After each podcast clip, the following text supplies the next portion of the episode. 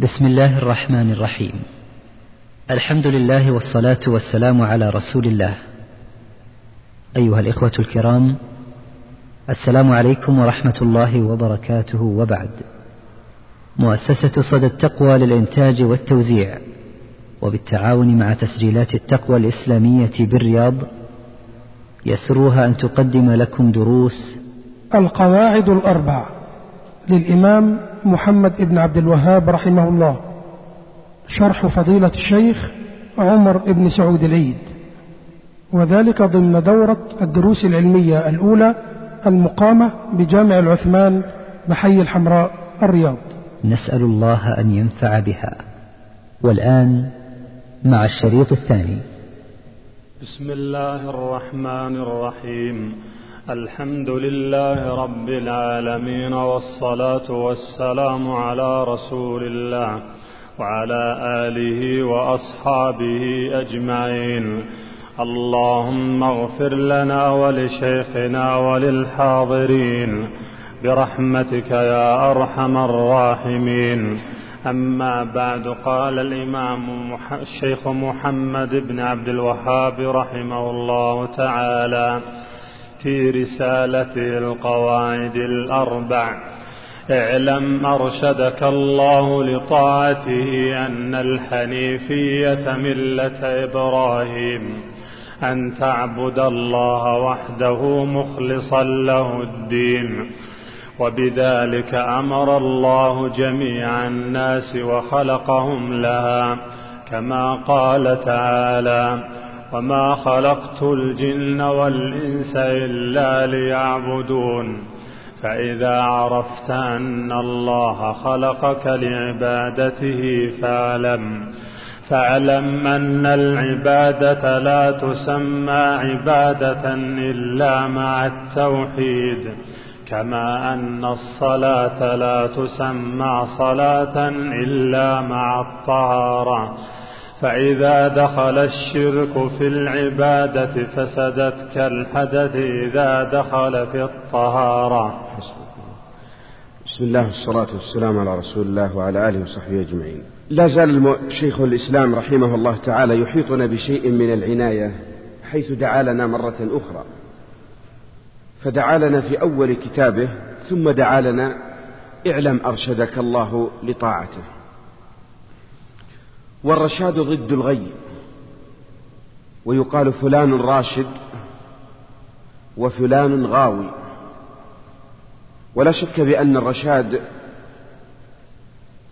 يحصل الإنسان به الخير والنفع في الدنيا وفي الآخرة. وهو سأل الله تعالى لنا أن يرشدنا لطاعته. فإن الخير أن يستعمل العبد في طاعة الله تعالى. وإلا فإنه لا يوجد أحد ليس له عمل بل كل الناس يعملون. لكن من الناس من يعمل بطاعة الله تعالى ويجتهد فيها ومن الناس من يعمل ويجتهد في المعاصي. كما قال النبي صلى الله عليه وسلم كلكم كل الناس يغدو. فبائع نفسه إما أن يكون معتقا لها وإما أن يكون موبقا لها. ثم ذكر المؤلف أن الحنيفية ملة إبراهيم عليه الصلاة والسلام. وقد ذكر الله تعالى هذه الحنيفية وأمرنا بها ثم أوحينا إليك أن اتبع ملة إبراهيم حنيفا وما كان من المشركين. ونجد أن محمدا صلى الله عليه وسلم أمر باتباع إبراهيم. وإبراهيم عليه الصلاة والسلام هو أبو الأنبياء. والأنبياء عليهم الصلاة والسلام بعده كلهم من نسله. الأنبياء من بعده كلهم من نسله إلى نهايتهم محمد صلى الله عليه وسلم. وأمر محمد صلى الله عليه وسلم باتباع إبراهيم. وإبراهيم كما ذكر الله تعالى ليس يهوديا ولا نصرانيا. ما كان إبراهيم يهوديا ولا نصرانيا. ولكن كان حنيفا مسلما وما كان من المشركين. وإبراهيم عليه الصلاة والسلام هو سيد الحنفاء وأبو الأنبياء. والمقصود بالحنيف هو المائل عن الشرك. المائل عن الشرك يسمى حنيفا. وإبراهيم عليه الصلاة والسلام تميز بهذه الحنيفية وهو ما نسميه الحنيف هو المقبل على الله تعالى المعرض عما سواه. والإقبال على الله تعالى بأي شيء كما في قوله تعالى قل إن صلاتي ونسكي ومحياي ومماتي لله رب العالمين. الإقبال بأن تكون أعمالك كلها خالصة لوجه الله تعالى فيكون العمل خالصا بالقلب وكذلك الكلام موافقا لما في القلب وكذلك يكون الاعتقاد صادقا من القلب لا يكون مجرد دعوة. وإذا كانت اعتقادات الإنسان وأقواله وأفعاله خالصة لوجه الله تعالى هذا يسمى هو الحنيف. ملة إبراهيم عليه الصلاة والسلام كأن الملة يقصد بها الدين. وماذا ملة إبراهيم عليه الصلاة والسلام أن تعبد الله مخلصا له الدين؟ هذا هو الذي جاء به إبراهيم وهذا الذي جاء به محمد بل ونستطيع أن نقول وهو الذي جاءت به الأنبياء عليهم الصلاة والسلام. جميعا كلهم جاءوا بمفهوم العبادة. العبادة في اللغة هي الذل والخضوع. ومن هنا قيل طريق معبد يعني طريق مذلل. وبالنسبة لمعناها في الاصطلاح فلها تعريفان. التعريف الأول ذكره شيخ الإسلام ابن تيمية رحمه الله كمال الذل مع كمال المحبة. هذا العباد تعريف للعبادة. والتعريف الثاني كذلك ذكره شيخ الإسلام أنها اسم جامع لكل ما يحبه الله ويرضاه. وجاءت كل لتشمل كل ما أمر الله تعالى به. وما يأمر الله به هو الذي يحبه سبحانه وتعالى ويرضاه. اسم جامع لكل ما يحبه الله ويرضاه من الأقوال والأفعال الظاهرة والباطنة.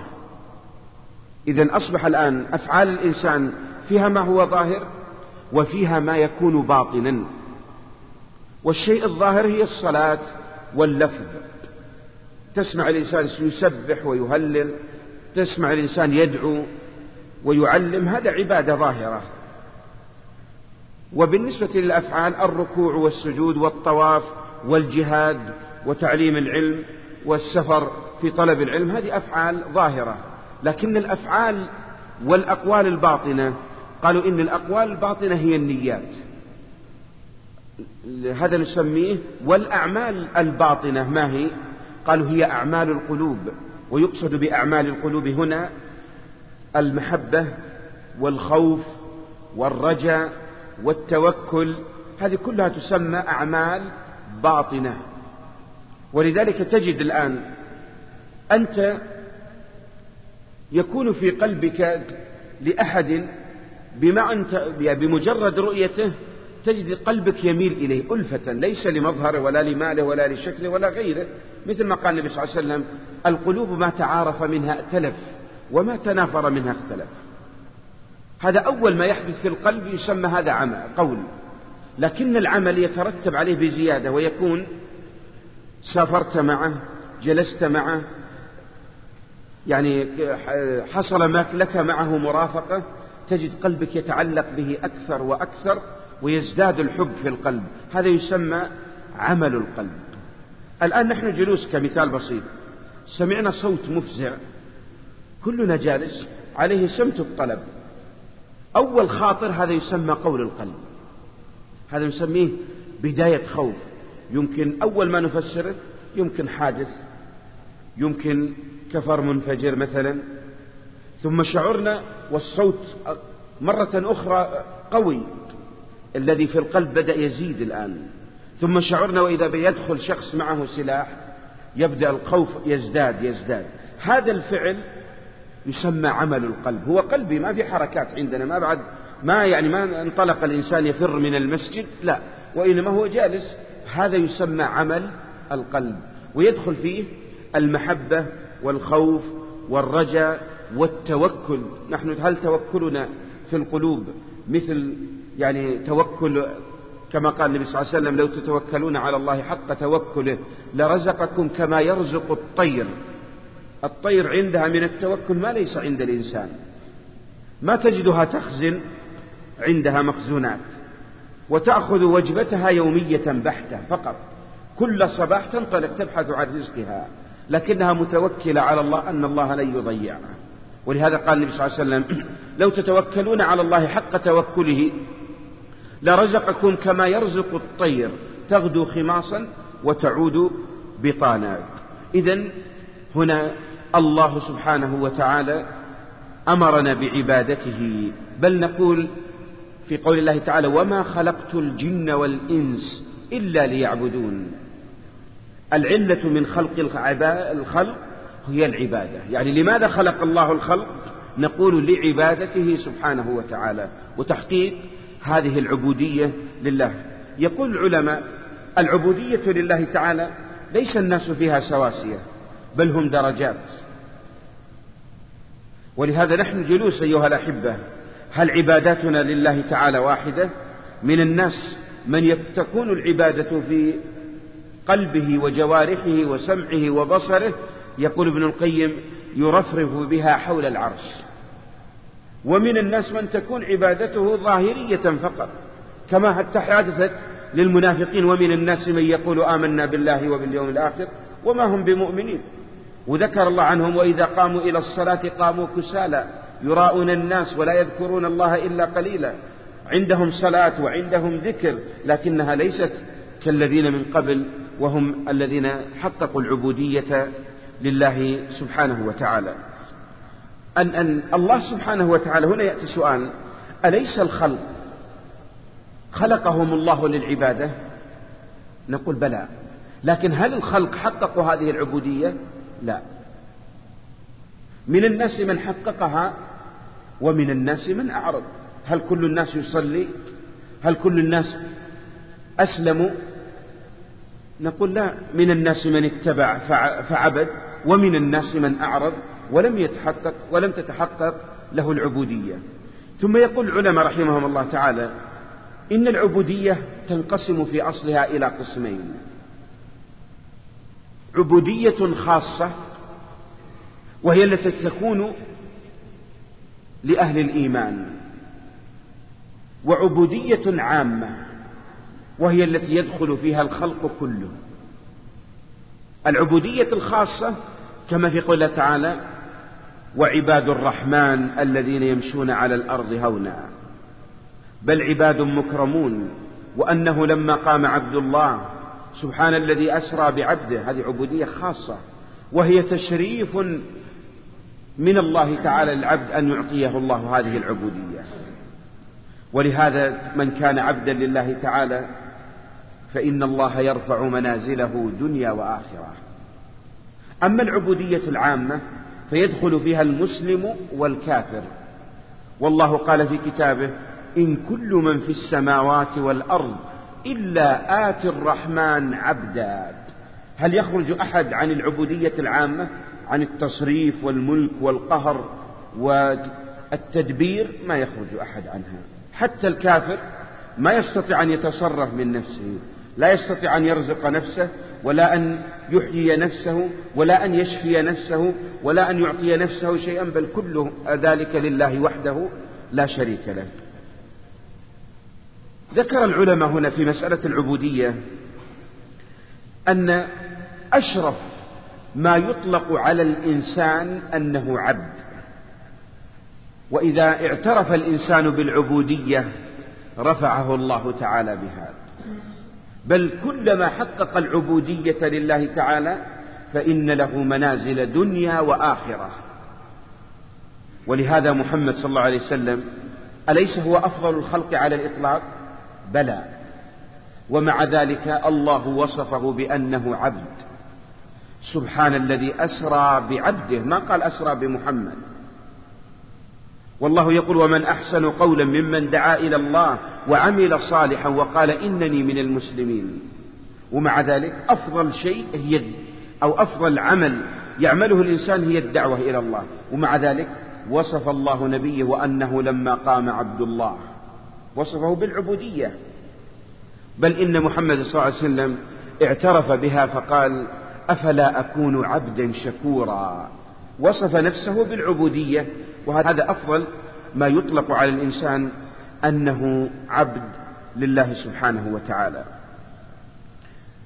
في قوله تعالى وما خلقت الجن والإنس إلا ليعبدون لا شك بأن هذا هو الهدف من من خلق العباد. يقول العلماء إن الأنبياء عليهم الصلاة والسلام جميعا دعوا إلى عبادة الله وحده وإلى مدين أخاهم شعيبا قال يا قوم اعبدوا الله ما لكم من إله غيره.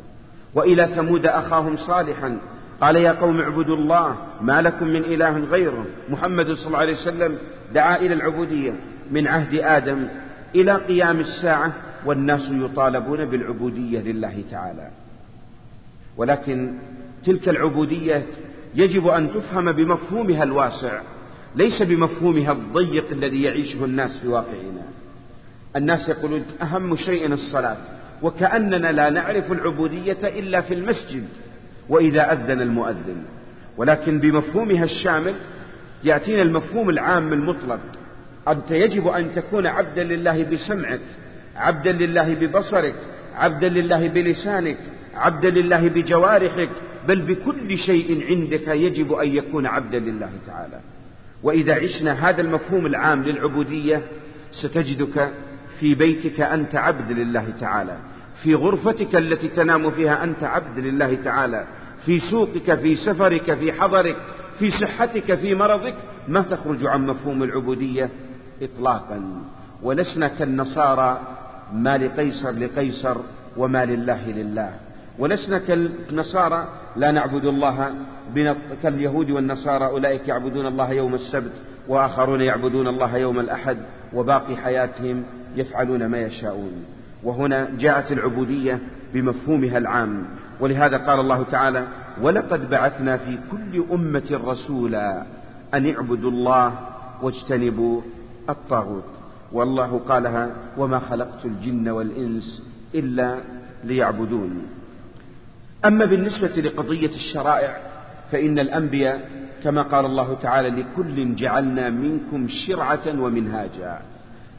الأنبياء عليهم الصلاة والسلام الحلال والحرام يختلفون فيه لكن في العبودية ما يمكن إطلاقا أن يختلفوا كلهم أمروا بعبادة الله وحده. يقول العلماء هنا مسألة مسائل العبودية ومسائل التوحيد لا يحدث فيها نسخ أبدا. ما فيها نسخ تتغير. أما مسائل الحلال والحرام والأوامر والنواهي والواجبات والمستحبات فالأنبياء عليهم الصلاة والسلام يختلفون فيها ولهذا نحن في شريعتنا جعلت لنا الأرض مسجدا وطهورا. الشرائع السابقة ليس لهم هذا الأمر. ما يمكن أن يصلي إلا في الكنيسة أو في مواطن التعبد عندهم. أما نحن فلله الحمد. تصلي في أي موطن في حديقة على رصيف في بر في أي غرفتك في أي موضع. جعل الله لنا الأرض مسجدا وطهورا. والاختلاف في الشرائع لسنا بصدد الكلام عليه في هذا الأمر. إذا يصبح أصل دين الأنبياء عليهم الصلاة والسلام هو التوحيد والتوحيد يتعلق بقضية العبادات العبادة لله سبحانه وتعالى. ثم قال المؤلف رحمه الله فإذا عرفت أن الله خلقك لعبادته. إذا عرفت أن الله خلقك لعبادته تذكرت يعني معنى لطيفا كان في السابق أيها الأحبة كتب الشيخ محمد بن عبد الوهاب القواعد الأربع والثلاثة الأصول ما كان عند الناس مدارس. يعني ما كان عند الناس مدارس يعلمون فيها. وكان لا يجعل إماما إلا من حفظ شيئا من المتون العلمية وشيئا من كتاب الله تعالى. وإذا صلى الناس الفجر ليس عند الناس وظائف وإنما الناس من الفجر ينطلقون في بيعهم وشرائهم وفي أسواقهم وغيره. هذا رزق الناس. والناس الآن في هذا الزمن ظنوا بأن الإنسان يموت إذا لم يجد له وظيفة ويعيش هملا. ونسوا أن أجيالا مضت عاشت وتجرت وأغناها الله ورزقها والنبي صلى الله عليه وسلم يقول بورك لأمتي في بكورها إلى غيره. فرزق الله واسع ليس في جانب دون جانب. وكان من منهج أئمة الدعوة من قبل رحمهم الله أن الشخص ما يخرج من المسجد حتى يسمع شيئا من الثلاثة الأصول والقواعد الأربع يعلمونهم قليلا قليلا التوحيد. وكأنه تسميع للعامة غير الشباب الذين قد عندهم شيء من العلم. ونحن في زمن كثير من الناس زهدوا في العلم لا كبارا ولا صغارا وإنما اهتماماتهم بعلوم دنيوية ونسوا ما يكون سببا لسعادتهم في الدنيا وفي الآخرة بل لأن يعرفوا لماذا خلقهم الله تعالى. والناس يصبحون والدنيا أكبر همهم ويمسون والدنيا أكبر همهم ولا يستفيدون كما استفاد السلف من قبل. الله خلقنا للعبادة وهو يكررها المؤلف رحمه الله تعالى لما قال أن تعبد الله مخلصا له الدين ثم أورد الآية شاهدا لها ثم يقول إذا عرفت يعني هل أنت فهمت المسألة السابقة أم لا؟ نقول فهمناها طيب والنتيجة؟ جاء يعطينا أو فائدة أخرى. فاعلم أن العبادة لا تسمى عبادة إلا مع التوحيد. إذا عرفنا أن الله سبحانه وتعالى قد خلقنا للعبودية والمقصود بها العبودية الخاصة ولا العامة؟ خلقنا للعبودية الخاصة. لأن العبودية العامة الأمر والتدبير والتصريف وغيره ما يخرج عنها الكافر ولا المسلم وإنما خلقنا للعبودية الخاصة التي يأتي بها الأنبياء عليهم الصلاة والسلام. وهي التي جاءت في قوله تعالى وما خلقت الجن والإنس إلا ليعبدون إذا عرفت ذلك وأنك ما خلقت لأجل أن تأكل وتشرب وتتوظف وتبني بيتا وتشري أرضا إلى غيره إنما خلقت خلقت لتحقيق هذه العبودية. هذه الأمور الدنيوية سخرها الله تعالى للعبد ليجعل ليصرفها في عبادة الله تعالى. كأنه يقول أنت مالك يجب أن تتحقق فيه العبودية وبيتك يجب أن توجد فيه العبودية وسوقك يجب أن يكون فيه العبودية إلى غيره ويصبح الإنسان يعيش العبودية مفهومها الواسع ويستفيد من ذلك الفائدة الكاملة. ولهذا كل ما في الوجود إنما أوجده الله تعالى ليستعين به العبد على طاعة الله تعالى وعلى تحقيق هذه العبودية. الآن هنا يقول لا تسمى العبادة عبادة إلا مع التوحيد وكأنه يقول هذا من شروط قبول العبادة. ولن تكون عبدا لله تعالى العبودية الخاصة التي فيها التشريف للعبد إلا أن تكون مبنية على التوحيد. كأن المؤلف رحمه الله تعالى هنا يبين لنا شروط قبول العبادة. ولهذا قال العلماء رحمهم الله تعالى العبادة لا تقبل من العبد إلا بشرطين. ومنهم من قال لا تقبل إلا بثلاثة شروط الشرط الأول أن تكون العبادة خالصة لوجه الله تعالى. بمعنى ليس فيها شرك. فأنت حين تصلي أتريد أن ينظر الله أن ينظر الله إليك ويعلم ما في قلبك من الصدق؟ أم تقوم تزين صلاتك من أجل أن يراك الناس؟ أقرأت القرآن ليقال قارئ؟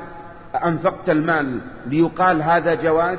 أجاهدت في سبيل الله ليقال هذا جريء؟ يعني شجاع؟ أم أنك عملت هذا العمل خالصا لوجه الله تعالى؟ ولهذا العبادة إذا قارنها شيء من الشرك أفسدها مباشرة. والله قد قال لرسوله صلى الله عليه وسلم لئن أشركت ليحبطن عملك. ونعجب أيها الأحبة أكثر الأعمال عند من؟ عند محمد صلى الله عليه وسلم. وأفضل الأعمال عند محمد صلى الله عليه وسلم. وأطوع الناس لله تعالى محمد صلى الله عليه وسلم. ومع ذلك يقال له لئن أشركت ليحبطن عملك. فإذا كان محمد وهو أفضل الخلق سيحبط عمله بالشرك فمن دونه من باب أولى أن تحبط أعمالهم هذا نسميه الشرط الأول. الشرط الثاني المتابعة للنبي صلى الله عليه وسلم. وأي عبادة لا يتأسى فيها بالرسول صلى الله عليه وسلم فليست مقبولة. صلوا كما رأيتموني أصلي. خذوا عني مناسككم لعلي لا ألقاكم بعد عامي هذا. الآن أيها الأحبة لو أن رجل انطلق إلى مكة ثم سألناه وجدناه دخل الدرس وهو محرم. قلنا له إلى أين؟ قال والله عندي الساعة السابعة إقلاع الطائرة وأنا سأنطلق من هنا إلى مكة. قلنا ماذا تريد؟ قال سأذهب لأحج بيت الله الحرام. وكيف؟ قال سأذهب أطوف وأذهب إلى منى ثم عرفات ثم مزدلفة ثم أرمي الجمار وآتي. قلنا له كيف تفعل هذا؟ قال أيام الحج أيام زحام وأنا أريد. المهم أني أفعل فعل الرسول في التنقلات. هل تقبل منه؟ ما تقبل لأن من شرطها هي الزمن. فللحج مواقيت مكانية ومواقيت زمانية. فلا يقبل من الإنسان أن يحج في غير أشهر الحج. إذا هذا متابع فيه الرسول أو ليس متابع؟ ليس متابعا. ونحن الآن لو جاء إمام المسجد وقال اليوم الفجر سنصلي إلى جهة المشرق وإن شاء الله طول الأسبوع نصلي إلى المغرب إلا يوما واحدا. قلنا هذه الصلاة باطلة والسبب لأنه لم يتابع فيها الرسول صلى الله عليه وسلم. ولهذا جعل الله محمدا قدوة يشاهد رأي العين يشاهد في عباداته وفي أخلاقه ويعرف الناس ماذا يدعو إليه ولن يستطيع الإنسان أن أو لن يقبل من الإنسان عمل حتى يكون على هدي النبي صلى الله عليه وسلم. ونحن نشاهد طوائف المبتدعة لا يوجد عندهم هذا الشرط وهو شرط المتابعة وإنما يأتون يعني بعبادات وأذكار وأوراد وغيرها على غير بينة ونص. ذكر العلماء شرطا ثالثا وهو قالوا أن يكون العمل مبنيا على عقيدة صحيحة. العمل مبني على عقيدة صحيحة. وهنا يعني نأتي لأجل كيف جاءنا هذا الشرط. قد يصلي الإنسان بل نقول هو ذهب إلى مكة. سألناه لماذا ذهبت؟ قال إنما ذهبت أبتغي وجه الله. هل أنت تريد العمرة رياء وسمعة وغيره قال لا بل أنا أريد ما يترتب على العمرة من الأجر. والنبي صلى الله عليه وسلم يقول تابعوا بين الحج والعمرة فإنهما ينفيان الذنوب والفقر كما ينفي الكير خبث الحديد. هذا العمل خالص وإلا رياء فيه شرك ما فيه شرك ثم لما ذهب رأيناه طاف وسعى وقصر والأذكار والأفعال متابعا فيها النبي صلى الله عليه وسلم. انتهى من العمرة ولما انتهى رفع يديه وإذا هو يقول مدد يا سيد الحسين أو يا سيد البدوي أو غيره أو لما انتهى من عمرته سأل أيوجد عندكم أولياء وصالحون؟ قلنا ماذا تريد؟ قال أريد أن أدعوهم أن يحدث لي رزقا أو يشفي مريضي وغيره. أصل العمرة خالصة لأنها ليس فيها شرك في ذات الفعل ومتابعا فيها النبي صلى الله عليه وسلم لكنها لم تبنى على عقيدة صحيحة. وهنا جاءت لئن أشركت ليحبطن عملك. لما قارنها الشرك ما قبلت من صاحبها أصلا وهنا يبين المؤلف رحمه الله تعالى يقول كما أن الصلاة لا تسمى صلاة إلا مع الطهارة. وكذلك ولذلك إذا أحدث الإنسان في أثناء صلاته فسدت صلاته. ولو أن إنسانا صلى وخشع وبكى وقبل التشهد بقليل خرج منه ريح. نقول هذه الصلاة مقبولة أو غير مقبولة؟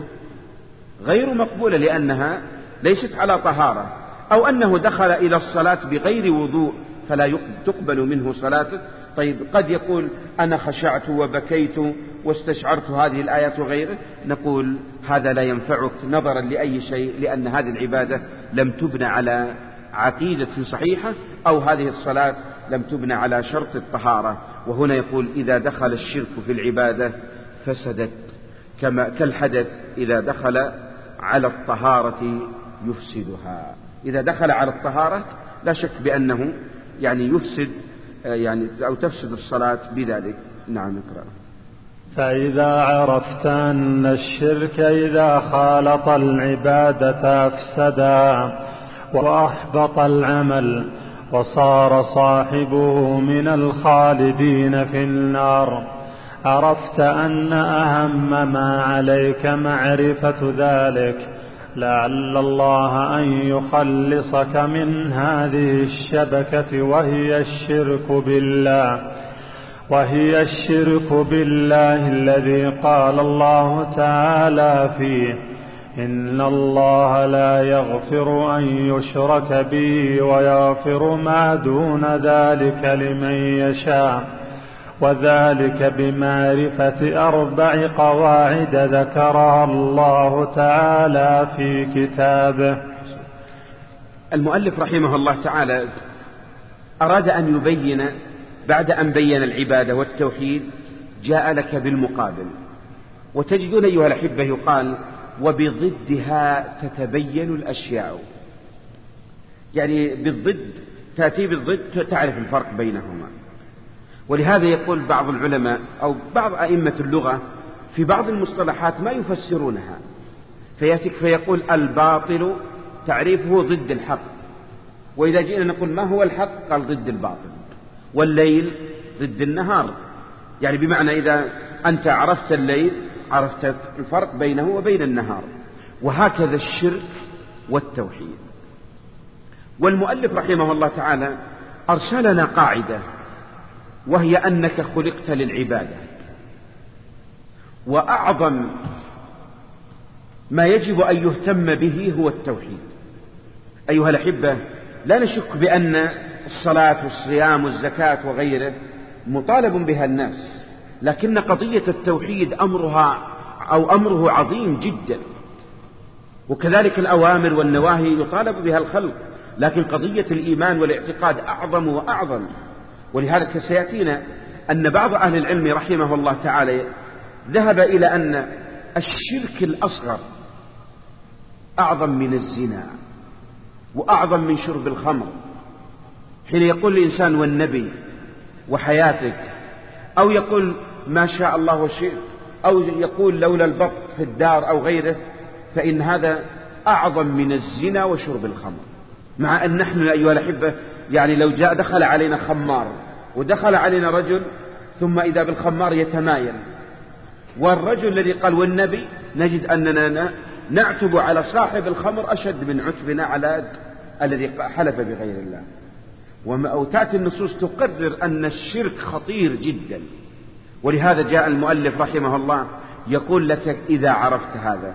وسبحان الله يعني الشيخ محمد بن عبد الوهاب له أسلوب يعني المفروض أنها تدرس في علم التربية. في علم التربية من طرق التدريس وربما بعض الذين يقومون بالتدريس والتعليم كأن الشيخ محمد رحمه الله يعني يعتبر من أئمة التعليم والتدريس التعليم المباشر. وغالبا سبحان الله فرق بين العالم الذي يجلس لنفسه وبين العالم الذي يخالط الناس ويعلمهم ويبصرهم ويجلس معهم ويبحث عن الوسائل التي تسلب قلوبهم. فتجد المؤلف رحمه الله يقول إذا عرفت أن الله ومن أساليب التدريس تجد بعض المدرسين عندك فهمت عرفت انتبهت ثم بعد ذلك يشد انتباهك لأجل أن تستقبل ما بعده. فهو بدأ لنا أولا إذا عرفتها أن الله خلقك لعباده. ثم يقول إذا عرفت أن الشرك كأنها وسائل تشوير لأجل أن المستمع أو الملقى عليه يستقبل ما يراد أن يبين له. يقول إذا عرفت أن الشرك إذا خالط العبادة أفسدها وأحبط العمل وصار صاحبه من الخالدين. نقول بالنسبة للشرك ما دام المؤلف يريد أن يبين لنا الشرك نحتاج نتكلم عن الشرك. الشرك يعني في أصله في اللغة يقتضي المشاركة. يعني بمعنى أن يعبد الله ويعبد معه غيره. وما يسمى مثلا واحد شيوعي ما يسمى مشرك. لأن الشيوعي ما يعبد أصلا لا الله ولا غيره. ومن يعبد إلها واحدا فقط أيا كان إله حق أو إله باطل ما يسمى مشرك. لكن من يعبد الله ويعبد معه غيره هذا الذي يسمى مشركا. سواء كان هذا الشرك بآلهة متعددة أو كان بشرك معه إلها واحد فقط. يعني يعبد الله ويعبد إلها معه. هذا في الأصل. وبالنسبة يعني نجد الآن في قضية الشرك ما خطره؟ وهذا يحتاج لنا أن نقسم الشرك إلى قسمين. القسم الأول الشرك الأكبر وهو أن يصرف شيئا من العبادات التي هي خالصة لوجه الله لغيره كالذبح والنذر. ثم تأتي العبادات الأخرى الركوع والسجود وغيره إذا صرفها لغير الله تعالى. هذا يسمى مشرك. شركا أكبر ويدخل فيه الطواف وغيره.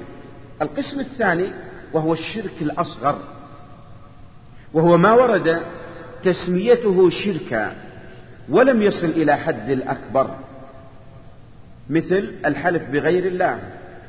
من حلف بغير الله فقد كفر أو أشرك فدل على أنه هذا يعتبر شركا الحلف بغير الله. ويعتبر مثل قول النبي صلى الله عليه وسلم أخوف ما أخاف على أمة الشرك الأصغر. قيل يا رسول الله وما الشرك الأصغر؟ قال الرياء. يقوم أحدكم فيزين صلاته لما يرى. هذا ليس من مخرج من الملة. ومن العلماء من أدخل قسما ثالثا وسماه الشرك الخفي. الشرك الخفي ويسمي بعضهم بشرك الألفاظ. ويعطون مثالا له. وهذا سبحان الله قلما يسلم الإنسان منه. الآن في الآن بس الناس تغيروا لكن على عادة السلف كان بيوت كان يربى فيها دجاج وبط و... وعندهم بعض في بعض الأحيان كلاب حراسة وغيره. فقد يكون الإنسان نائم عند غنمه وجاء لص ليسرق فانطلق الكلب وعدا عليه. ثم استيقظ أهل البيت ففر اللص جلسوا من الصباح يتحدثون فقالوا لولا الكلب كان الغنم راحت. هذا شرك. وهذا يسمى الشرك خفي نظرا لأنه شرك في الألفاظ يزل به اللسان. ومثله لولا البط من طبيعة البط أنه إذا جاء الغريب تسمع له أصوات مزعجة. فلو جاء لص ثم بعد ذلك رآه البط أصدر أصوات قام أهل البيت. فالناس يقول لولا البط في الدار لسرقنا اللصوص. ويقول بعضهم مثالا له قد تأتي أنت جاي للدرس وأنتم مجموعة. واحد من الشباب يسوق ثم حدث أن بنشرت السيارة. ثم تجد السائق كان منتبه وهادي في أعصابه ثم بعد ذلك يعني وقفت السيارة. نحن نسولف تجد بعض الناس يقول لو فلان هو اللي يسوق كان رايحين. هذا مثل لولا البط وهذا يقول ابن القيم وإن تنجو تنجو من ذي عظيمة. يعني مشكلة التوحيد دقيق جدا. ولهذا تخوفه النبي صلى الله عليه وسلم على صحابته. خوفا من أن يقعوا في شيء من الشرك ويؤثر عليهم هذه الأقسام الثلاثة الخفي والأصغر سواء في الأحكام أما الأكبر ففرق بينه وبين الأصغر. ونعطي قاعدة أيها الأحبة لأن المؤلف رحمه الله تعالى ذكر إفساد العمل وإحباطه ويصبح صاحبه من المخلدين. هذا ذكر الآن أمرين. وكان هذا ماذا يترتب على الشرك الأكبر؟ ونستطيع أن نفرق. خذوها قاعدة. هناك فرق بين الشرك الأكبر والأصغر والكفر الأكبر والأصغر والنفاق الاعتقادي والنفاق العملي وكذلك بين الردة وبين المعاصي كبائر الذنوب. هناك فروق بينها. نسردها سريعة أولا. لو يعني من باب من باب الوسائل التعليمية لو وضعت يعني خطين خط في الوسط أكبر أصغر بس لأجل يكون كقاعدة. نذكر هذا ثم يقابله الثاني حتى يصير الفصل بينهما. أكبر ثم خط في الوسط ثم أكبر وأصغر ليفرق بينهم. عندنا الأكبر أول فأنه عندنا أربعة فروق أو قريبا من خمسة. والمؤلف رحمه الله تعالى ذكر شيئا منها. أول شيء على ضوء ذكر المؤلف علشان نذكره أن الشرك الأكبر تحبط الأعمال معه كلية. أما الشرك الأصغر فلا يحبط إلا العمل الذي قارنه. ما تحبط أعمالك؟ بخلاف الأكبر فلا يبقى معك عمل. طيب وش الدليل لئن أشركت ليحبطن عملك. العمل مطلقا ليس على الجزء الذي شاركه. الثاني أن الأكبر يخرج من الإسلام. أما الأصغر فلا يخرج صاحبه من الإسلام. نحن في زمن أيها الأحبة يوجد في العالم الإسلامي كثير من المسلمين يشهدون أن لا إله إلا الله ويصلون ويصومون ويحجون بيت الله لكن عندهم قبور يطوفون بها ويذبحون عندها ويسجدون عند القبر. وأذكر زرت إحدى المناطق وما كنت أظن أحدا يسجد لغير الله تعالى أبدا. وإذا بنقف أظنه عند قبر صعصعة بن صوحان قالوا إن هذا كان أحد قواد علي بن أبي طالب. وقبره في إحدى البلدان العربية يعني من باب زيارة القبور ولما دخل وإذا بشخص وقف ثم سجد عند القبر مباشرة. يعني يقشعر جلد الإنسان كيف يصرف عبادته لغير الله تعالى. هذا يصلي ويصوم ويزكي وغيره لكن نقول هذا ليس بمسلم. أيبقى مسلما وهو يسجد لغير الله؟ أيبقى مسلما وهو يدعو غير الله تعالى مدد مدد يا سيدي فلان يدعوه من دون الله يريد أن يشفيه وأن يعطيه وأن يرزقه ذرية إلى غيره؟ نعوذ بالله أن نقع في هذا الشرك. إذا كثير بعض من الناس اتهموا الشيخ محمد بن عبد الوهاب بأنه يخرج الناس ويكفرهم ويخرجهم من الإسلام. كيف تقول تخرجونهم وهم يصلون ويصومون وغيره؟ ما أخرجناهم نحن. إنما جاءت النصوص الشرعية بأنهم غير مسلمين أصلا. ويحتاجون أن يدخلوا. إذا كان محمد من حبط عمله أيبقى على الإسلام؟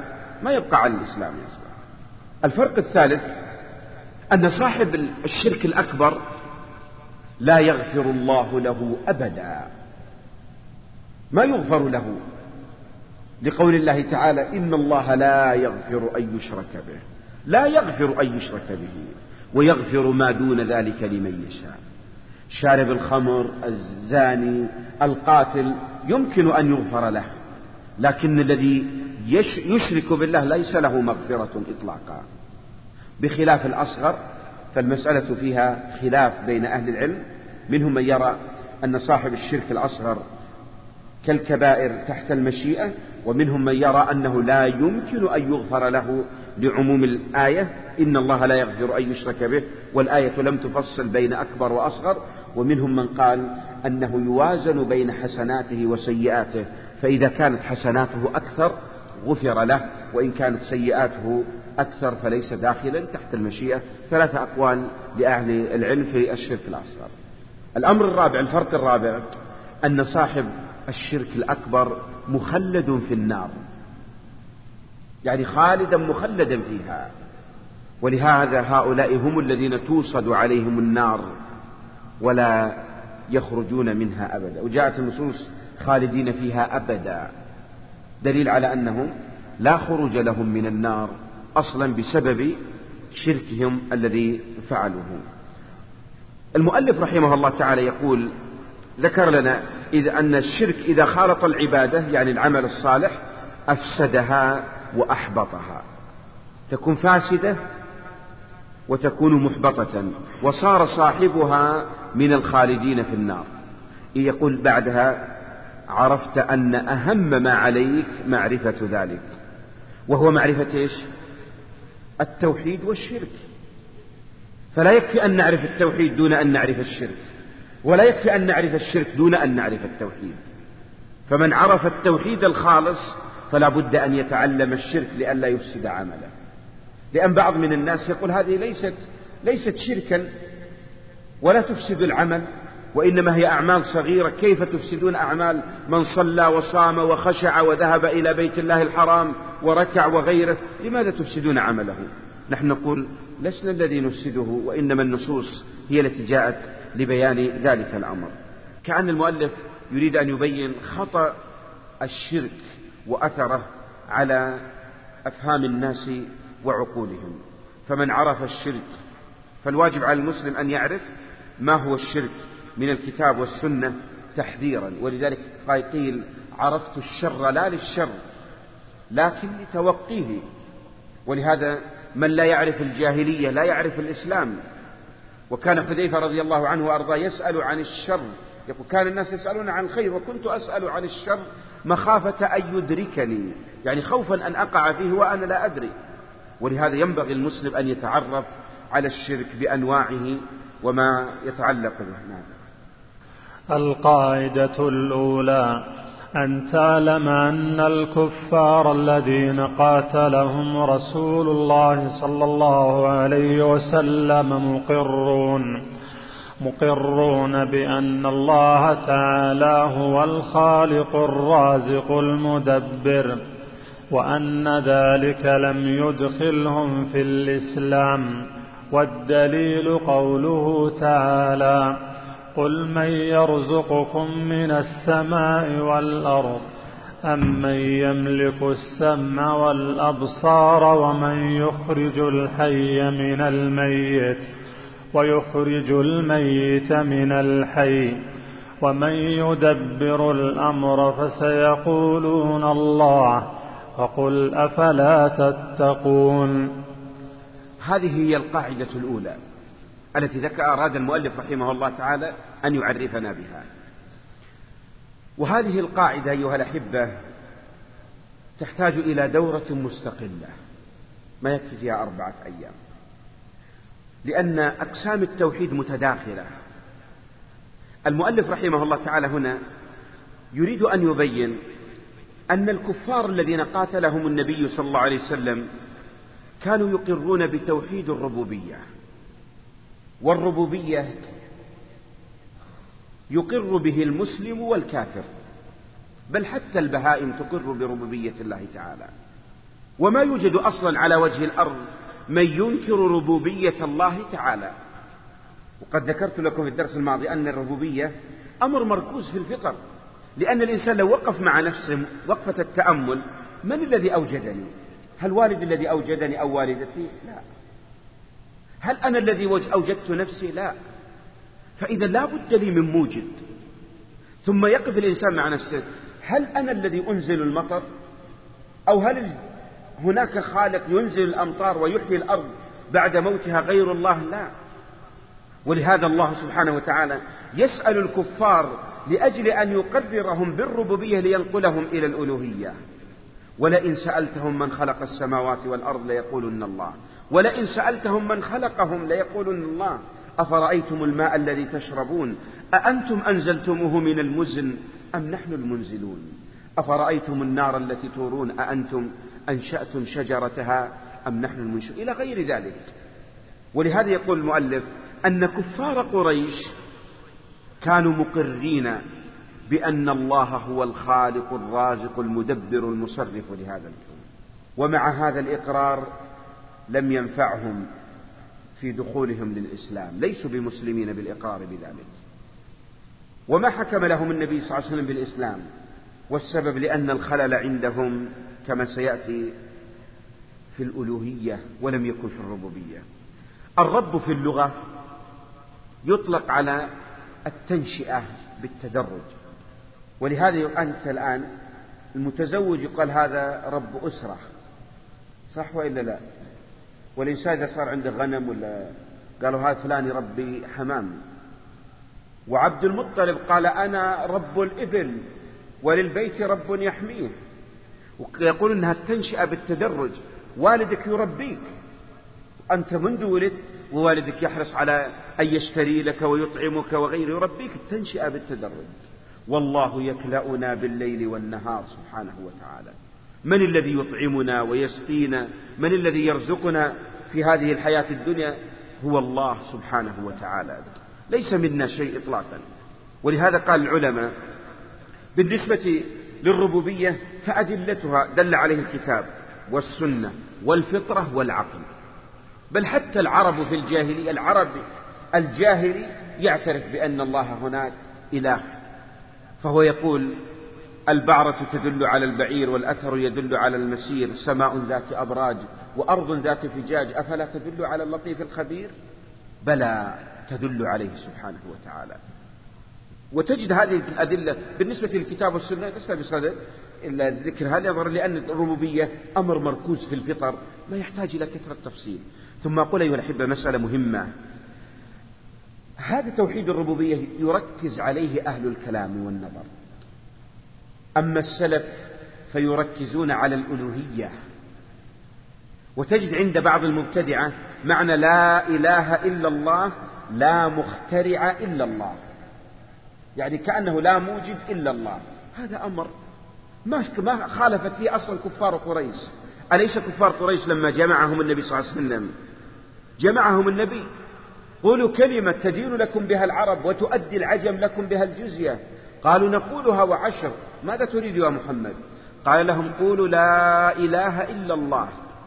لو كان معناها لا مخترع ولا خالق إلا الله لقالوا يا محمد نحن نقول الله هو الخالق المخترع ولئن سألتهم من خلق السماوات والأرض ليقولن الله. لكنهم يعلمون أن معنى لا إله إلا الله لا معبود بحق إلا الله. وهذا لا يقرون به لأن عندهم آلهة يعبدونها من دون الله تعالى. ولهذا مشرك العرب كانوا يقرون بالربوبية ومع ذلك قاتلهم النبي صلى الله عليه وسلم وسبى نساءهم وذراريهم وأخذ أموالهم واستحل دماءهم صلى الله عليه وسلم مع أنهم يقولون الله هو الخالق. وكانوا يقولون لبيك لا شريك لك إلا شريكا هو لك تملكه وما ملك. ومع لما وجد عندهم الشرك هم يقول لا شريك لك يعني أنت الذي تعبد لكنهم صرفوا شيئا من العبادة ومع ذلك ما قبل النبي صلى الله عليه وسلم منهم حتى يوحدوا الله تعالى ولا يؤمن بأحد غيره. توحيد الربوبية لا يوجد أحد أنكره إلا قليل جدا ممن انتكست فطرهم وأشد من عرف إنكاره فرعون. أليس فرعون نادى أهل مصر وقال أنا ربكم الأعلى وما علمت لكم من إله غيري؟ ولكنه في قرارة نفسه مقر. وموسى عليه الصلاة والسلام يقول له لقد علمت ما أنزل هؤلاء إلا رب السماوات والأرض بصائر. والله يقول وجحدوا بها واستيقنتها أنفسهم ظلما وعلوا هو من داخل نفسه يعرف بأن الخلق والإيجاد والإحياء والإماتة هي لله سبحانه وتعالى وما كان منكرا. ومنهم الدهريون. وقالوا ما هي إلا حياتنا الدنيا نموت ويحيا. هذا مثال للطوائف التي أنكرت. الثالث النمرود. ابن كنعان كان منكرا. حين جاء ذكره الله تعالى ألم تر إلى الذي حاج إبراهيم في ربه. أن آتاه الله الملك. إذ قال إبراهيم ربي الذي يحيي ويميت. الإحياء والأماتة أليس ربوبية؟ نقول بلى. فقال هذا الرجل أنا أحيي وأميت. جاء باثنين وقال هذا قتلناه ومات وهذا أحييناه. اذهب ما نقول له. هل فعل هذا حقيقة إحياء وإماتة؟ هذا كلام باطل. ولكن إبراهيم عليه الصلاة والسلام نقله إلى ما هو أعظم. ربي الذي يأتي بالشمس من المشرق فأت بها من المغرب. فإن الخالق الموجد يدب يصرف الكون كله. هل يستطيع النمرود أن يفعل؟ فبهت الذي كفر. والله لا يهدي القوم الظالمين. يعجب الإنسان كيف يجرأ أن ينقل نفسه إلى هذا المستوى وهو لا يستحق شيئا. ولهذا تأتي دائما حين يأتي الآيات تسرد في إبطال آلهة المشركين تبطل تفاعلها أنها لا تتكلم ولا تسمع إن تدعوهم لا يسمعوا دعاءكم ولو سمعوا ما استجابوا لكم ولا ينبئك مثل خبير. تعجب أيها الأحبة كيف يصل الإنسان عقله إلى هذا المستوى؟ والأعجب أن الإنسان يعبد الآن طوائف تعبد الجرذان. يعبد جردان وتعبد البقر. وتعبد الأحجار حجر كيف يعبد؟ والصحابي القديم قصته مشهورة كان عنده صنما يعبده. يطيبه ويطوف به ويتمسح ويتوسل به ويدعوه. وفي يوم من الأيام وجد أن صنمه الذي يذهب إليه صعد على رأسه ثعلب. ورفع الثعلب رجله وجلس يبول على رأس الرب الذي يعبده. فجلس يفكر. الآن أنا خائف منه وأنا أدعوه وأطلب من كشف الضر وأن يرزقني. وما يستطيع أنا ما يمكن أجعل الثعلب يبول على رأسي. شلون إله وأنا خايف منه ويبول علي؟ ولهذا قال أرب يبول الثعلبان برأسه. لقد ذل من بالت عليه الثعالب. ما عاد يستحق. توصل بعقله ما يستحق أن يكون إلها. ولهذا تجد الذين ينكرون الربوبية هم من أبعد الناس فطرا وعقلا لأن قضية الخلق والإيجاد هي لله وحده لا شريك له. ولهذا الله خلق السماوات وخلقنا وخلق الجبال وخلق الكون كله. فيجب أن نعبده وحده لا شريك له. دون غيره. الآن المؤلف رحمه الله تعالى يبين مسألة. هل يوجد أنا أسأل سؤال هل يوجد من أشرك في الربوبية؟ نقول نعم. ولهذا قال اليهود عليه الصلاة والسلام إن نقول إلا اعتراك بعض آلهتنا بسوء. كون الإنسان يجلس عند الصنم تسأل تقول ليش تخاف منه؟ قال والله خاف يجيني مرض. أخاف يصيبني بمصيبة. أخشى أن يأتيني حادث. هذا فعل والفعل ربوبية. ولهذا قال العلماء في تعريف الربوبية لها تعريفان. المعنى الاصطلاحي التعريف الأول إفراد الله بأفعاله. إفراد الله بأفعاله. أفعال الله ما هي؟ الخلق الإحياء الإماتة الرزق إلى غيره. أن تفرد الله بأفعاله. التعريف الثاني هو الإقرار والاعتراف بأن الله هو الخالق الرازق المالك المتصرف وحده. الإقرار والاعتراف بأن الله هو الخالق الرازق المالك المتصرف وحده لا شريك يعني لا يشركه في شيء. ذكر هذه الأفعال ليس من باب الحصر وإنما من باب التمثيل وإلا فإن التعريف إفراد الله بأفعاله أفعال الله متعددة فهو المستحق أن تصرف له هذه. يوجد من أشرك نقول نعم مشرك العرب كانوا يرونه وكذلك قالوا بأن المجوس أشركوا جعلوا إله الظلمة وإله النور جعلوا للكون إلهين. ويصبح الآن يعني الخوف من الأصنام والأشجار بالفعل والمرض وغيره هذا لا شك بأنه نوع صرف لألوهية وربوبية حيث اعتقد أن لها نوع من التأثير فاضطر إلى أن يدعوها ويصرف لها شيء من أنواع العبادة. هنا الآن في قول المؤلف رحمه الله أن تعلم أن الكفار الذين قاتلهم الرسول صلى الله عليه وسلم. يقصد به كفار مشركي العرب. كانوا مقرين يعني أنهم قد أقروا بأن الله هو الخالق المدبر والمدبر هو معناها المتصرف سبحانه وتعالى.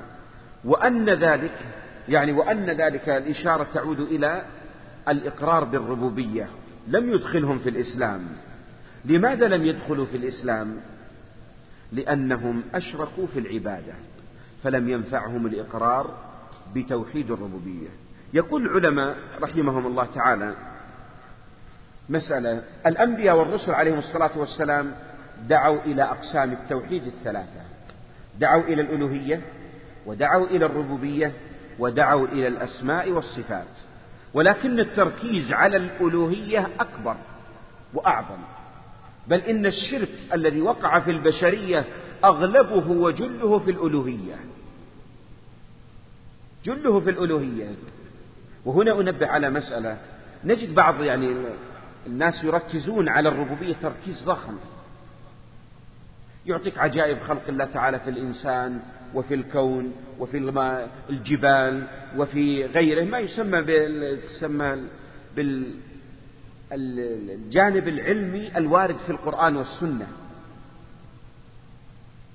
فنقول التركيز على هذا إذا كان المقصود منه نقل الناس إلى الألوهية ما في مانع.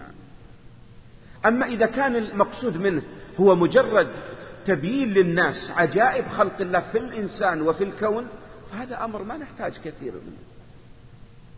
وأعطيكم مثال بسيط جدا على هذا. الإمام الفخر الرازي وهو من كبار أئمة الأشاعرة وأهل الكلام. وكان ذا عقل عجيب جدا.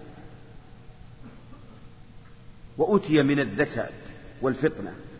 وتعرفون أيها الأحبة العالم إذا مر كان الإنسان مع أهله وإلا إخوانه تجد يعني أو زوجته أو أولاده مباشرة يلتفت يقول شوفوا ترى هذا الشيخ فلان شوفوا عند الإشارة شوفوا ماشي شفته كذا.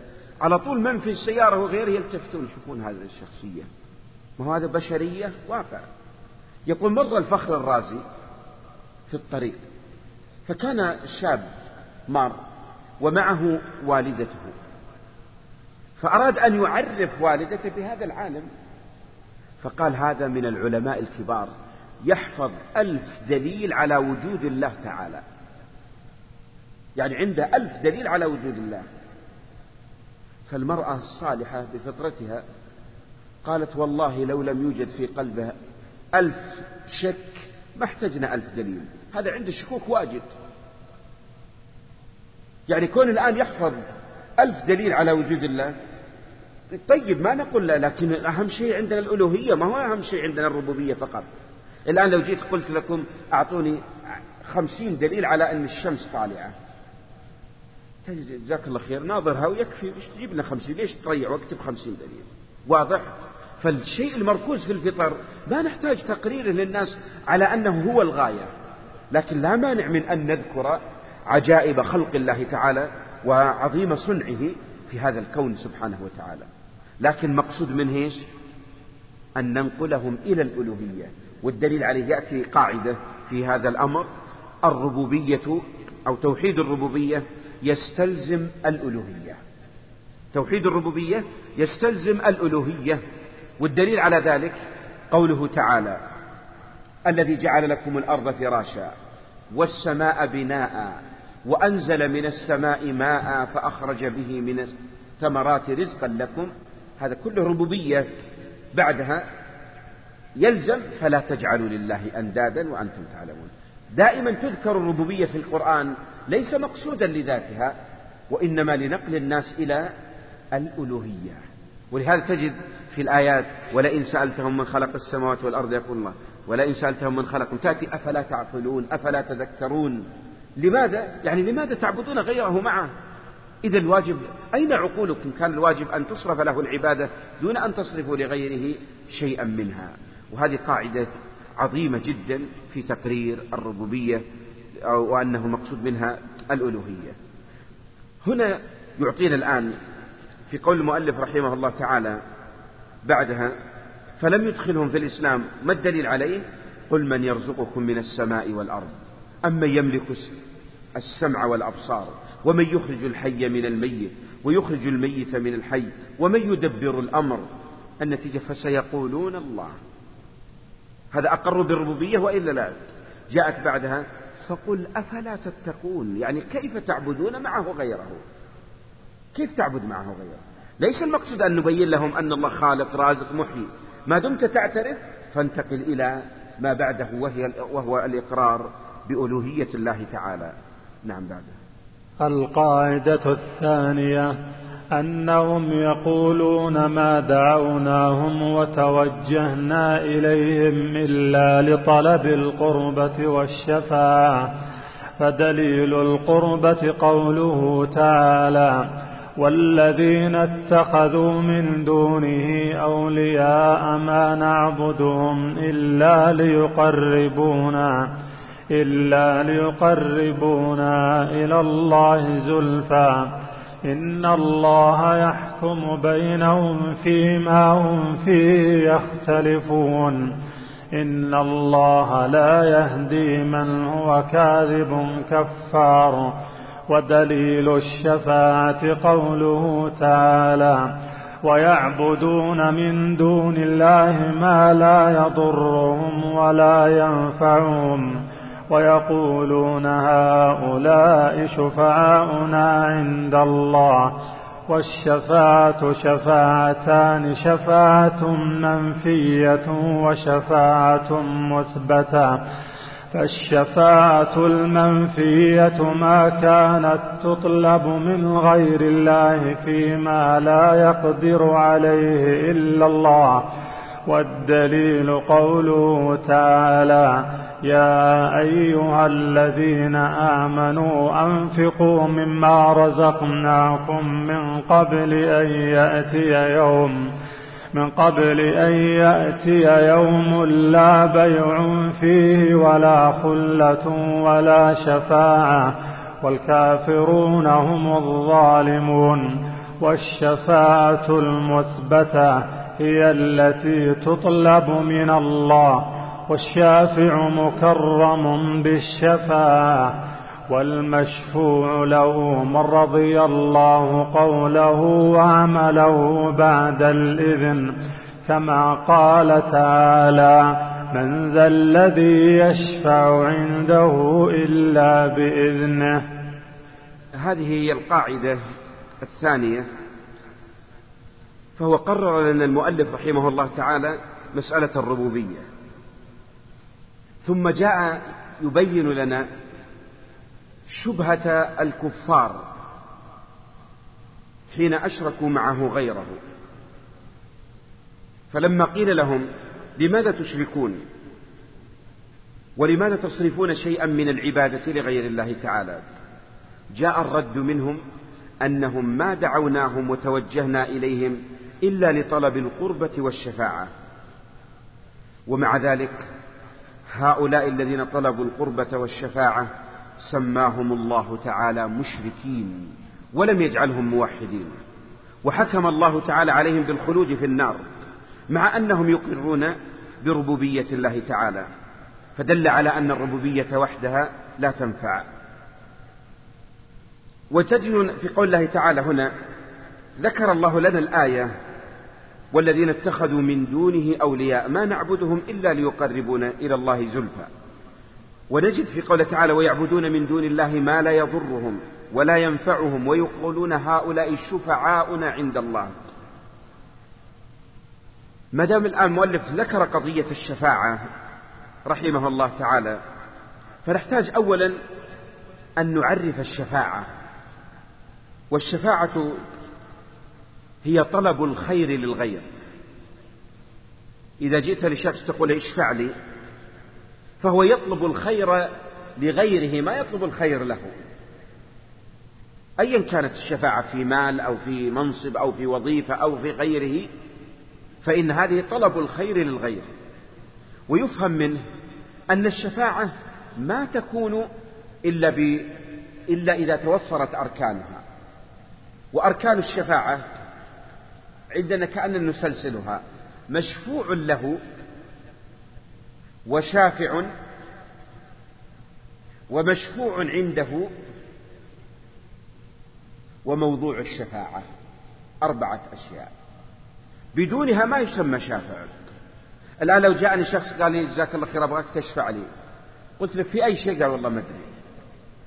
ما تسمى شفاعة. فلا بد من موضوع الشفاعة ماذا يريد؟ هذه الشفاعة فلا بد من مشفوع له وهو الذي يريد الحق شيئا معين يحقق. والشافع أعطيكم كمثال بسيط يعني لو طلب مني شخص أن أشفع له عند أحد من المحسنين في مساعدة أو غيره فهو الآن مشفوع له صاحب الذي يطلب أن أكتب له. وأنا شافع والمحسن مشفوع عنده والخطاب ومضمونه يسمى مضمون الشفاعة أو موضوع الشفاعة. بدونها ما تسمى شفاعة. ولهذا يقول العلماء أن الأصل في الشفاعة فيها اشتراك. ما تكون واحدة. ولهذا جاءت في قول الله تعالى قل لله الشفاعة جميعا. الله سبحانه وتعالى له الشفاعة. ولماذا كفار جاءوا بشبهة الشفاعة؟ وحيث جعلوهم اتخذوهم شفعاء. يعني وسائط لهم في قضاء الحاجات. والغالبا ما الوسائط لا يمكن الشافع أن يقبل حتى يقدم له شيء.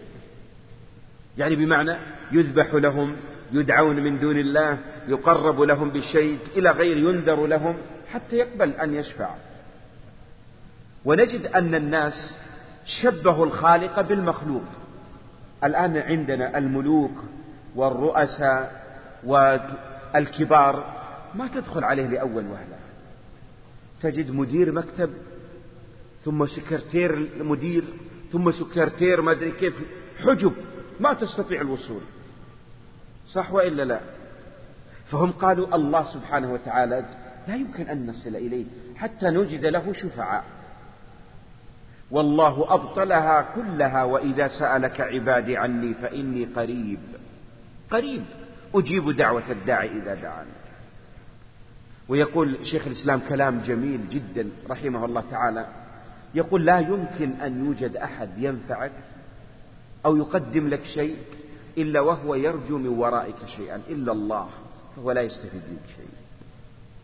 ما في أحد ينفعك على وجه الأرض إطلاقا إلا ويطلب من ورائك شيء. الآن العلماء حين يعلمون ويفتون ويدرسون وغيره ما هو لسواد عيون الناس؟ يطلب وراهم أجر. واضح؟ أما الرب سبحانه وتعالى ينفعك يعطيك ويعلمك ويرزقك ويحييك ويشفيك وغيره ولا يطلب منك شيء ما يستفيد منك شيء أصلا. وكأن شيخ الإسلام يقول فارتبط بالله تعالى لا ترتبط بأحد من الخلق. ولهذا من تعلق قلبه بالله فإن الله يغدق عليه نعمه. ويرزقه من حيث لا يحتسب ويعطيه الله من فضله العظيم الذي ليس لأحد فيه من المخلوق من طبيعته إذا أعطاك يمن عليك أيا كان. وأعطيك كمثال بسيط يعني بواقعنا قد يأتي ولو كان تلميذا عندك تتعلم على يديك ثم تمر في السوق ولا يسلم عليك قال يا أخي ما في خير هذا. أمس عندي في الدرس وبعد أسبوع ما يسلم ولا شيء يخليه يتكبر؟ يمن. لكن الخالق ما فيه له المن كله سبحانه وتعالى لأن كل شيء من عنده سبحانه وتعالى. يقول العلماء هنا مسألة الشفاعة في أصلها تنقسم إلى قسمين. وذكرها المؤلف عندكم ما تحتاج تكتبون لأن بس نريد أقاعدها لكم على الترتيب التدريس النظامي عندكم. أنتم ما تأخذوا المعلومات إلا مرتبة فنحتاج نرتب ترتيب يعني ولا كان كتب السلف كثير من الشباب يقول لك نقرأ في كتب السلف ما نشوف فيها مرتبة ما نعرف العناصر ولا غيره. سبب الخلل في رؤوسنا لأن ما تعودنا على كتب السلف. متعودين على أولا تعريفه لغة واصطلاحا. الأدلة من الكتاب والسنة. أقسامه ثم نأتي شروطه وموانع التسلسل.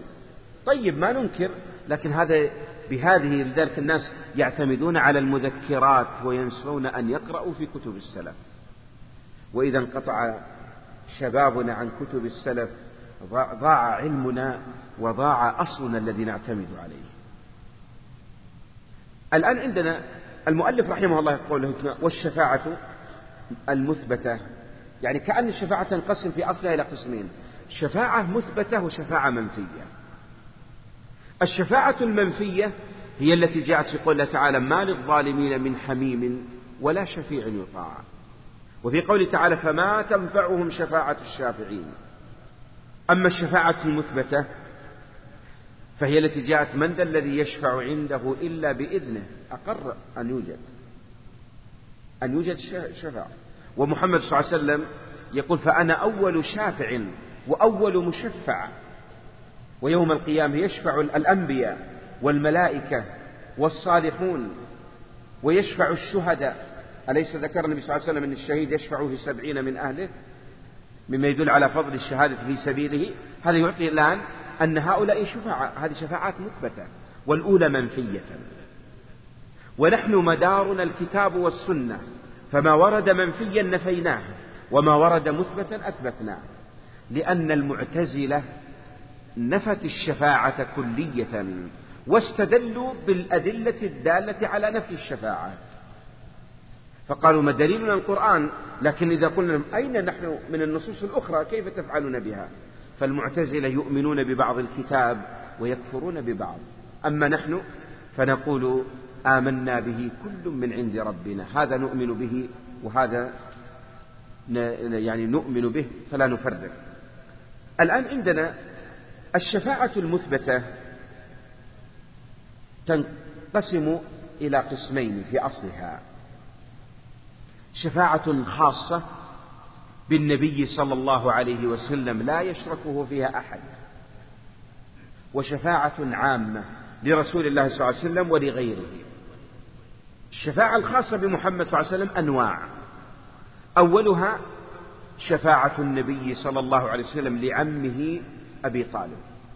الأصل أن الكافر ما يشفع له إطلاقا ولكن استثني عم النبي صلى الله عليه وسلم دون غيره. ولهذا قال علي يا رسول الله ماذا نفعت عمك الهالك؟ كان يحوطك وينصرك. قال كان في غمرات النار وشفعت له وهو في ضحضاح من النار. وهو أهون أهل النار عقوبة. ضحك يعني إلى كعبيه النار فقط يغلي دماغه منه. هذه شفاعة خاصة بالنبي صلى الله عليه وسلم دون غيره. الشفاعة الثانية الخاصة بالنبي صلى الله عليه وسلم شفاعته في الموقف الأعظم وهو المقام المحمود. يوم القيامة الناس كما قال وترى الناس سكارى وما هم بسكارى. ويصاب الناس بعرق ودنو الشمس وغيره ويصبح الناس يموجون. فيقول الناس بعضهم لبعض ألا يعني تطلبون أحد يشفع لكم؟ فيذهبون إلى آدم ثم إلى نوح ثم إلى إبراهيم ثم إلى موسى ثم إلى عيسى ثم ترجع إلى محمد صلى الله عليه وسلم. يقول فأسجد تحت العرش. فيفتح الله علي بمحامد ما لا يعلمها ما كنت أعرفها من قبل. فيقول الله له ارفع رأسك. يا محمد ارفع رأسك صلى الله عليه وسلم. وسل تعطى واشفع تشفع. فيقول يا رب أسألك أن تفصل بين الخلائق. هذا هو المقام المحمود الذي دائما نقوله بعد كل أذان وابعثه المقام المحمود الذي وعدته وهي الشفاعة العظمى ولا يشركه في أحد. الشفاعة الثالثة هي شفاعة النبي صلى الله عليه وسلم لأهل الجنة في دخول الجنة ويكون محمد صلى الله عليه وسلم هو أول داخل للجنة ولن يدخل أحد الجنة إلا بشفاعته. بعض العلماء أضاف إليها قسما آخر وهي شفاعة النبي صلى الله عليه وسلم في أقوام في السبعين ألف الذين يدخلون الجنة بغير حساب ولا عذاب. وقالوا أنها من خصائص النبي صلى الله عليه وسلم. أما القسم الآخر فهي الشفاعات العامة التي يكون فيها النبي صلى الله عليه وسلم ويكون معه غيره من الأنبياء والملائكة والصالحين وغيرهم. وهذه تأتي عامة كمثل الشفاعة في عدم دخول بعض أقوام استحقوا النار ألا يدخلوها. فيشفع لهم فلا يدخلون. ولهذا قال النبي صلى الله عليه وسلم ما قال الرسول ما من مسلم يصلي عليه أربعون لا يشركون بالله شيئا يدعون له إلا شفعهم الله فيه يعني قبل الله شفاعتهم. كان الأصل أن يدخل النار فقبل الله الشفاعة. الشفاعة كذلك في أقوام أن ترفع درجاتهم في الجنات. الشفاعة في أقوام دخلوا النار فيخرجون من النار وهذا الشفاعة في أهل الكبائر ونحن نقر بها. وهذه عامة لمحمد ولغيره. أما الأولى فهي مطلقة خاصة به صلى الله عليه وسلم. شروط الشفاعة ذكر العلماء لها شرطان. الشرط الأول إذن الله تعالى للشافع. من ذا الذي يشفع عنده إلا بإذنه. الشرط الثاني الرضا عن المشفوع له وعن الشافع. ولا يشفعون إلا لمن ارتضى. ولهذا سبحان الله الفرق بين الشفاعة عند الخالق والشفاعة عند المخلوق. الشفاعة عند الخالق لا يمكن أن تكون إلا بإذن أما عند المخلوق تكون بغير إذن. ولذلك كمثال بسيط قد تدخل على المدير أو العميد أو الأمير أو غيره بدون إذن تقرأ الباب وتفتح الباب وتدخل. أما الرب لا يمكن حتى يأذن سبحانه وتعالى. مسألة ثانية أن الخالق لا يمكن إلا بعد رضاه. أما المخلوق فقد يحدث الشفاعة ولو لم يرضى. ولهذا تجدون في الوظائف وفي الكليات وفي غيره في بعض الأحيان تدخل الواسطة عندنا وهو موجود ولا موجود؟ قد يأتي شخص تطرده ولا تقبله إطلاقا. لكن إذا جاك خطاب وقريت العنوان وهو قدمه قال تقول له أنت والله ما تستاهل. لولا هالورقة ولا والله ما ما تدخل. هل رضي ولا بدون رضا؟ بدون رضا ما رضي هو. لكنه حقق الشفاعة وهو لم يرضى. أما الرب فلا يمكن أبدا إلا عن رضا. وهنا معنى آخر سبحان الله لطيف جدا. يقول العلماء الشفاعة عند المخلوق فيها نوع اشتراك. ما يمكن أن يتحقق مطلوبها إلا أن يشترك. كمثال بسيط طالب جاءني ثم طلب مني أن أشفع له. فأنا كتبت له خطابا فأنا الآن مؤثر والمدير أو العميد أو المسؤول مؤثر. ففيه اشتراك بيني وبينه في قضية تحقيق المطلوب. أما الشفاعة عند الخالق فهي له وحده أولا وآخرا كلها منه. ولهذا جاءت قل لله الشفاعة جميعا. أعظم الشفعاء من؟ محمد صلى الله عليه وسلم. نحن نسأل الآن هل محمد هو الذي أثر؟ لا. محمد صلى الله عليه وسلم الله هو الذي خلقه. الله هو الذي اصطفاه بالنبوة والرسالة. الله هو الذي أذن له أن يشفع. الله هو الذي حقق الشفاعة ما هو محمد؟ صلى الله عليه وسلم. فأصبحت الله سبحانه وتعالى له الشفاعة مطلقة. ويقول العلماء هنا يأتي سؤال صغير. إذا لماذا يؤتى بالشفاعة يوم القيامة؟ مع أنه يمكن يمكن أن يتحقق المطلوب دون شفاعة. لماذا جعلت الشفاعة؟ ها من يعطينا الإجابة؟ ترى ذكرها المؤلف قريناها تو. قرأ علينا القارئ يعني لماذا لماذا تأتي شفاعة وهو يمكن أن يتحقق بدون شفاعة؟ نعم. يعني الله سبحانه وتعالى حين أذن لهؤلاء أن يشفعوا لأن الله يريد أن يكرمهم ويميزهم على الخلائق. من يشفع عنده؟ يشفع علية الناس. وليشاهد الخلق. أن هؤلاء أنبياء شفعوا وأن هؤلاء ملائكة شفعوا وأن هؤلاء من الصالحين شفعوا وأن هذا شهيد يكرم يوم القيامة أن يختار سبعين من أهله يشفع لهم. ليقال هذه أو هذا فضل الشفاعة تحقق أو هذا فضل الشهادة تحقق يوم القيامة. فهي لإكرام الشافع. وهذا فضل من الله تعالى أن يكرم العبد يوم القيامة بهذا الفضل العظيم. نعود إلى قول المؤلف رحمه الله تعالى لا شك بأن الشفاعة جاءت الأدلة بالدلالة عليه كأن نفهم الشفاعة منها ما يكون حقا ومنها ما يكون باطلا. ما يكون باطل حين قال الكفار هؤلاء شفعاؤنا عند الله هذه باطلة. ويكون حقا من ذا الذي يشفع عنده إلا بإذنه ولا يشفعون إلا لمن ارتضى إلا من بعد أن يأذن الله لمن يشاء ويرضى. هذا حق. وجاءت النصوص بها. أما الباطلة فهي شفاعة الكفار. إذا اختل شرط من هذه الشروط لا تتحقق الشفاعة إطلاقا. الآن كمثال بسيط. قد يشفع أهل الإيمان في المشركين. فهل تقبل شفاعتهم أم لا؟ والسبب لأن الله لا يأذن بها ولا يرضى للمشروع له أصلا. وقد يعتقد الناس الشفاعة في الأشجار والأحجار. هل تشفع يوم القيامة؟ ما تشفع. إطلاقا. ولهذا قالوا ما نعبدهم إلا ليقربونا إلى الله زلفى. شجر وحجر وصنم وغيره من ينفعك. حتى هذا لا يأذن الله له إطلاقا. أبدا. ولهذا جاءت في قول الله تعالى يحكي سبحانه وتعالى حين يأتي يقول الله تعالى للملائكة أهؤلاء إياكم كانوا يعبدون؟ قالوا سبحانك أنت ولينا من دونه بل كانوا يعبدون الجن أكثرهم بهم. دل على أنهم تبرأوا منهم. تظن أن الشيء ينفعك وإذا هو يتبرأ منك تكون أنت من أخسر الناس.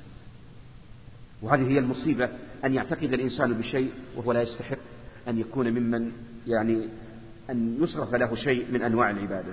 المؤلف رحمه الله قال ودليل الشفاعة ويعبدون من دون الله ما لا يضرهم ولا ينفعهم. ويقولون هؤلاء شفعاؤنا عند الله. كأنه يفهم من يستحق أن يشفع أو يشفع عنده لابد أن يكون له نوع من الضر أو النفع. اللي ما له نفع ولا ضر وش تستفيد منه. الآن لو قلت لكم يا إخوة هذا كأس ما رأيكم نعبده يوم واحد فقط. تسألوني ليش نعبده؟ مباشرة سنسأل ليش نعبده؟ فإن كان ينفع أو يضر أو يسمع الدعاء ويجيب أو له شيء من التصريف والأمر والنهي يمكن أن يعبد. أما إذا كان جمادا فلا يمكن أبدا أن يعبد. ولهذا تعجب كيف عقل الإنسان يعبد شجر ولا قبر ولا غيره؟ يتحول الإنسان لهذا. وما أجمل كلام عمرو بن العاص وحديثه عظيم يقول كنا في جاهلية فأنقذنا الله بالإسلام. ونحن نقول الحمد لله الذي أنقذنا الله بالإيمان والتوحيد ونحمد الله تعالى أن أوجد الله العلماء كمحمد بن عبد الوهاب ومن بعده أن الله أضاء قلوبنا بهذا الإيمان. وإلا لكنا نطوف بالقبور ونذبح لها وندعوها من دون الله. يقول عمرو بن العاص كلام عظيم جدا. كنا أهل جاهلية. فكنا إذا أردنا سفرا ذهبنا للأصنام والآلهة نتبرك بها ونتوسل بها ونتمسح بها قبل أن نسافر رجاء بركتها. حجر يقف عندك خاشع متذلل خائف من سفره أن يأتي. ضرر منه. ويقول فإذا سافرنا معهم ما يمكن أن يحملوا الأصنام معهم أصلا.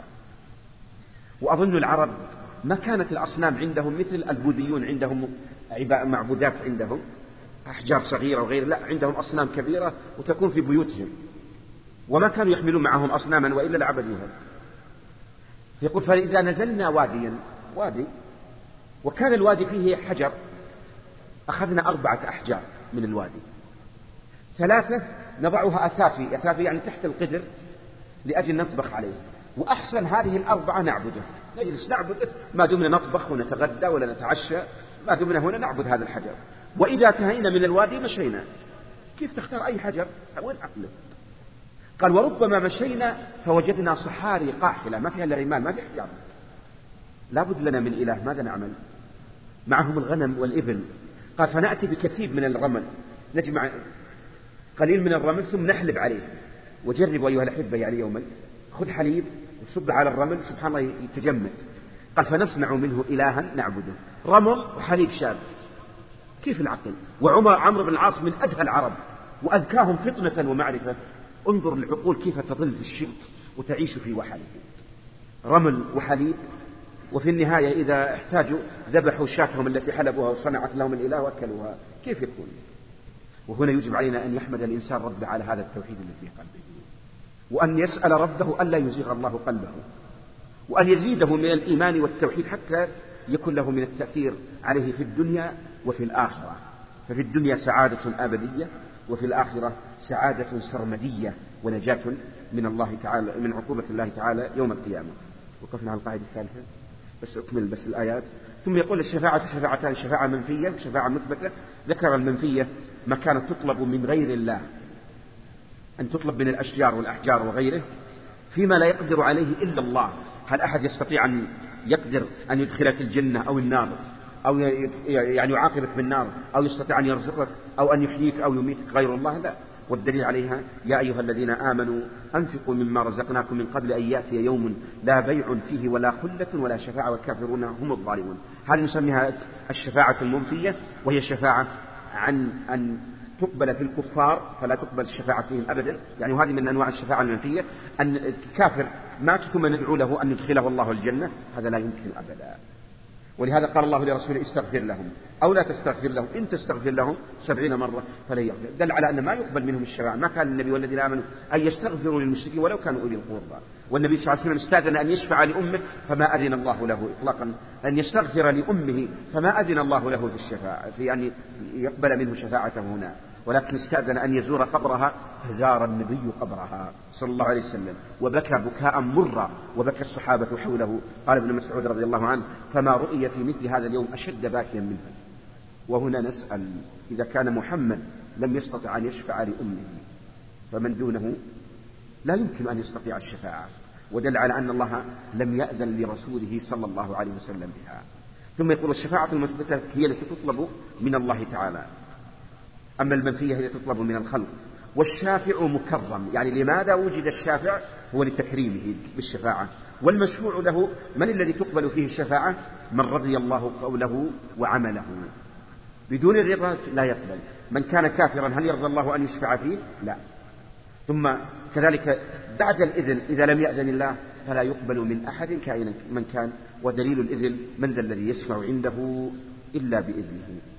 نقف على هذا ويأتي إن شاء الله مزيد تفصيل بموجب فهرس تسجيلات التقوى فإن رقم هذا الشريط هو 14062